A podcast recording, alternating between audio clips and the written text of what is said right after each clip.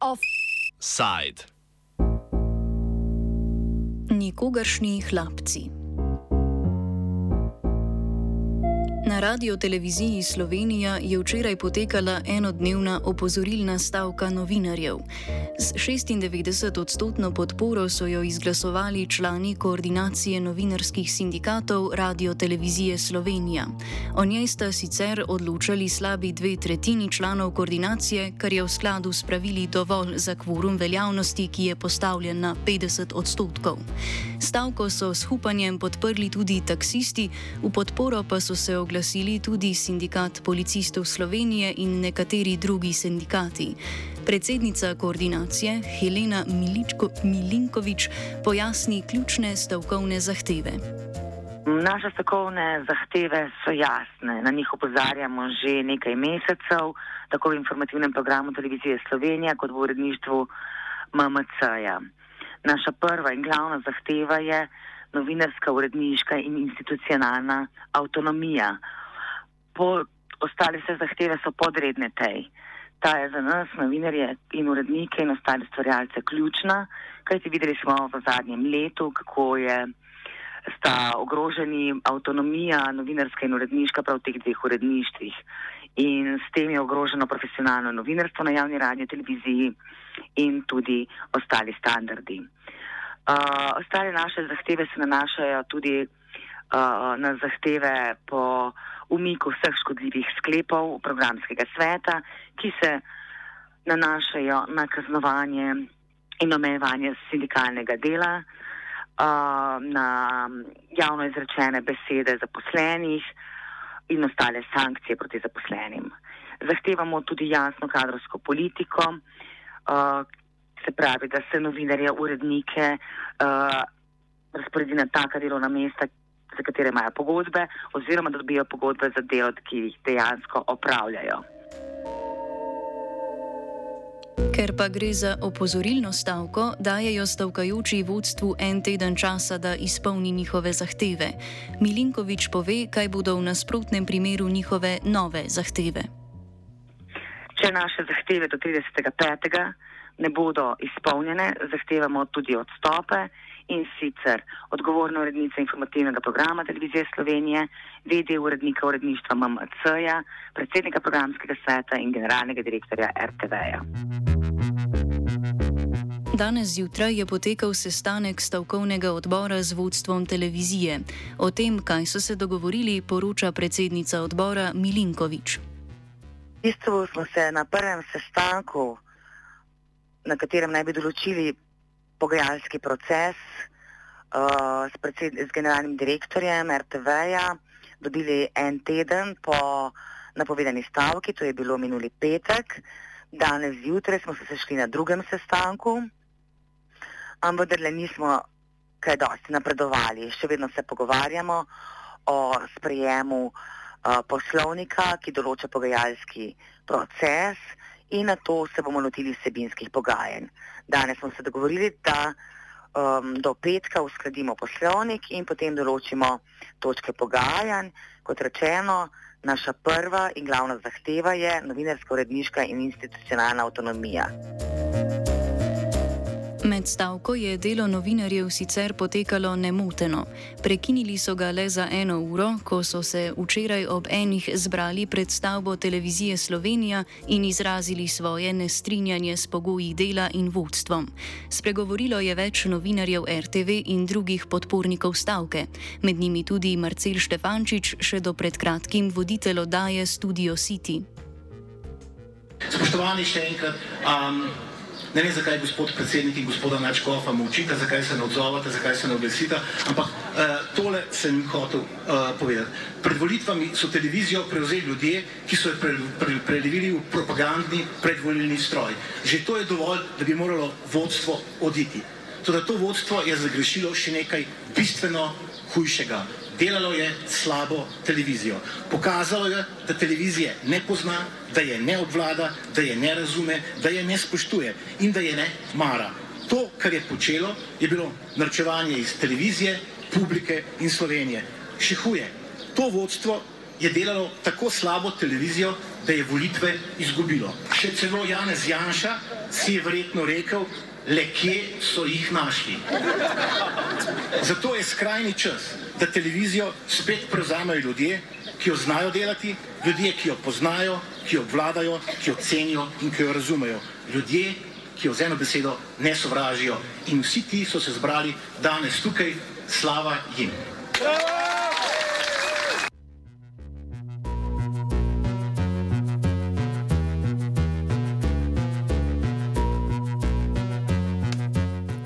novinarjev notranje politične redakcije informativnega programa Televizije Slovenija je nestrinjanje izrazila Rajka Vignjevič Pupovac.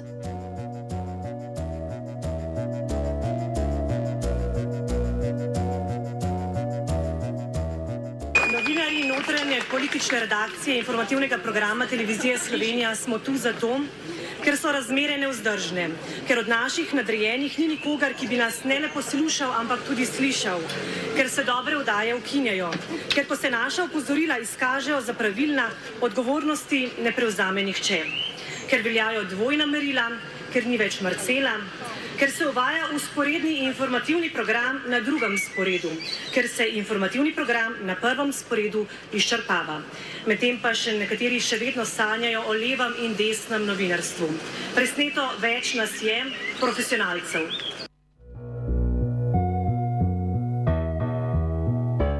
Kljub temu, da je novinarsko delo potekalo nemuteno, je bil potek oddaj nekoliko spremenjen.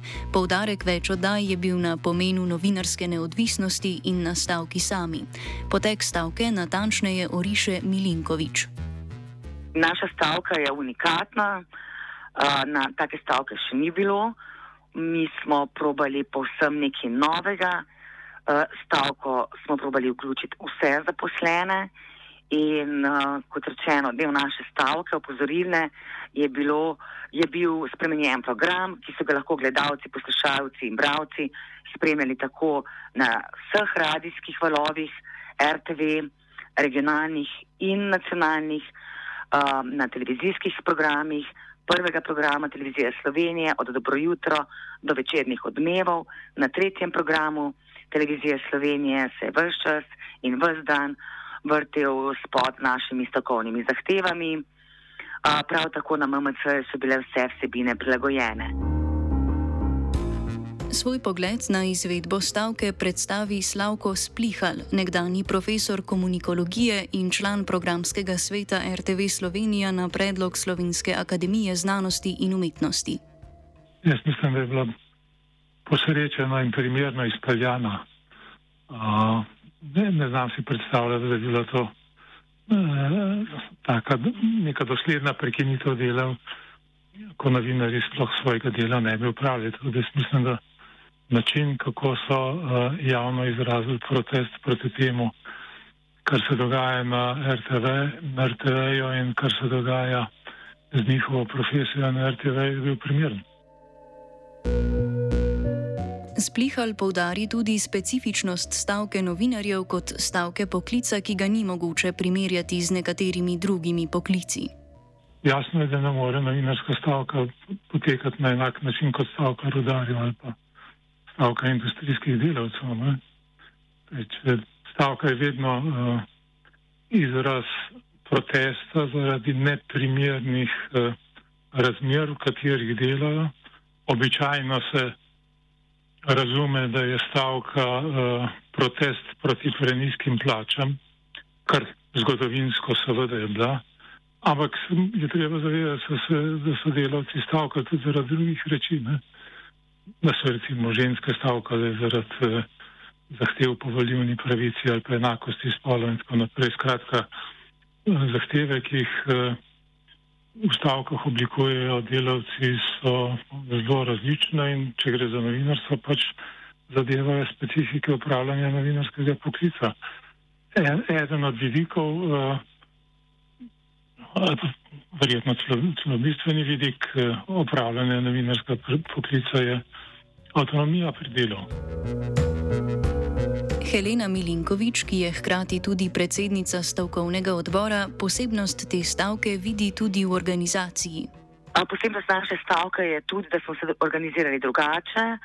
Naš stavkovni odbor šteje že 180 članov in članic in vsak dan se nam pridružuje nekdo drugi. Med njimi so člani sindik novinarskih sindikatov, tudi ne člani, honorarni sodelavci. Uh, in to so predstavniki različnih uredništv RTV-ja, od radija naprej. Mi smo samo v njem uh, novinari informativnega programa televizije Slovenije in MMC-ja. Čeprav je bila stavka včerajšnja solidarnostna stavka, z uredništvi MMC-ja in informativnim programom Televizije Slovenija, ki sta najbolj na udaru in kjer sta novinarska in uredniška avtonomija najbolj ogroženi. Včeraj je potekala tudi seja programskega sveta. Splihal kot njegov član pove, kako stavko doživlja skozi oči programskega svetnika. Kot programski svetnik bi rekel, da gledam z grozo. Namreč zgrozo zaradi tega, ker je zasedal programski svet na dan stavke, kot da stavke ne bi bilo, da se programski svet obnaša kot eh, da stavkovne zahteve ne zadevajo programskega sveta oziroma dela programskega sveta in da se uh, stokov, torej, programski svet se še naprej obnaša tako kot v, v obdobju pred stavko in v obdobju pred volitvami. Še vedno je programski svet neke vrste parni valjar, eh, ki ima jasno agendo, torej natančno to isto agendo, zopr katero so uh, zaposleni na televiziji Slovenija stavkali. In moram reči, da je zelo neprijetno biti član uh, tega programskega sveta, ki tako strumno uh, sledi tej agendi. Seja, ki je trajala približno pet ur s krajšo prekinitvijo, je imela v prvotnem predlogu osem točk, zapletlo pa se je že pri dnevnem redu. Svetniki so izglasovali, da o točki na temo študija City ne bodo razpravljali, ker naj bi s tem presegli svoja pooblastila. Nemajhen del seje je bil tako posvečen pobudam v zvezi s poslovnikom in zapletom z njegovo uporabo. Sašo Hribar, predstavnik zaposlenih v programskem svetu, je zato predlagal, da sejo zaprejo za javnost. Sejo programskega sveta zapremo za javnost, ker takšne sramote ne želimo deliti z vsemi poslušalkami. Hribarjevo norčevanje je potem skoraj pripeljalo do tega, da bi se seja dejansko nadaljevala za zaprtimi vrati, saj je predsednik sveta Petr Gregorčič s komaj skritim veseljem poskušal izpeljati glasovanje o tem predlogu.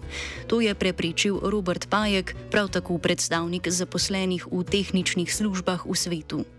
Tukaj boste pa prekoračili svoje pooblastilo. V poslovniku piše: izjemo je mogoče javnost sej programskega sveta izključiti, kadar gre za obravnavo osebnih podatkov, ki jih kot takšen ščiti zakon, kadar gre za obravnavo podatkov, katerih razkritje bi lahko škodovalo poslanju RTV Slovenije. Prosim, da se držimo poslovnika. Tukaj je šlo pa preko vseh meja in tukaj ste hoteli izkoristiti zdaj svojo moč. Razpravljali so tudi o spremembah poslovnika sveta z namenom jasnejšega definiranja glede možnosti udeležbe na sejah nadaljavo. Svetnik Slavko Kmetič, član Slovenske demokratske stranke in nekdani poslanec, razlog za nizko udeležbo na sejah v živo vidi predvsem v nizkih sejninah, za katere naj bi bil kriv zakon za uravnoteženje javnih financ. Ta je bil sicer sprejet prav v času vladne stranke, katere član je. Cenine so že nekoč bile uh, večje, pa jih je potem ZUJF zmanjšal za polovico. In zdaj jaz sprašujem, jaz ne vem, zdaj, a se je to vrnilo nazaj pred ZUJF-om, ali imamo tu še kar po tistem, ko nam je ZUJF, ZUJF vzel 50%. Sprav, mi imamo še kar 50, nam, vsi so se dvigli, ZUJF je 2012 nam sejnine prepolovil. In potem in pol v Sloveniji in od kilometrij in do čuda in pol. Ampak potem so v letih, ko je pač normalna bila rast, pa to se je tu nazaj povrnilo, Razen očitno RTV, a ne. In če je temu tako, se jaz absolutno strinjam z Sašotom, da se to preuči in predlaga pristojnim organom, da se vrne nazaj na eh, situacijo pred Zujfom. Programski svet je glasoval tudi o novi direktorici televizije Slovenija. Na to mesto je generalni direktor RTV kot edino kandidatko predlagal nekdanjo direktorico Natalijo Gorščak. Andrej Grah Watmov je Gorščak lani razrešil z očitki o padcu gledanosti. Na to je imenovani vršilec dožnosti Valentin Areh, ki je pripravil tudi večino sprememb programa, proti kateri so protestirali zaposleni, se zatem ni prijavil na razpis. Pred glasovanjem o zasedbi funkcije je Goščak morala odgovoriti na nemalo vprašanj programskih svetnikov. Med drugim se je opredelila tudi do stavke, kar je bila ena redkih omemb stavke na seji sploh. Seveda stavko podpiram um, in, in, in strinjam se s stavkovnimi zahtevami. Uh, ker menim, da, da smo stvari v hiši uh, pripeljali do ene, do, ene, do ene točke, ki je um, zelo škodljiva za, za, za program. To, kar je prej um, kolega Hribar rekel, taka velikanska programska škoda se dela, da je joj. Natalija Gorščak na zadnje ni bila potrjena na glasovanju in ne bo postala direktorica televizije. Od potrebnih 15 glasov jih je zbrala 8. In kaj bo s toliko izpostavljenim studijem City?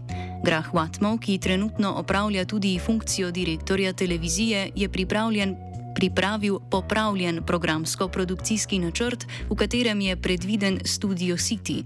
Na program naj bi se vrnil že naslednji ponedeljek.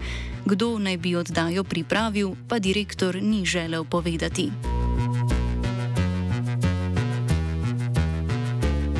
Offside je pripravil Blaž. Offside.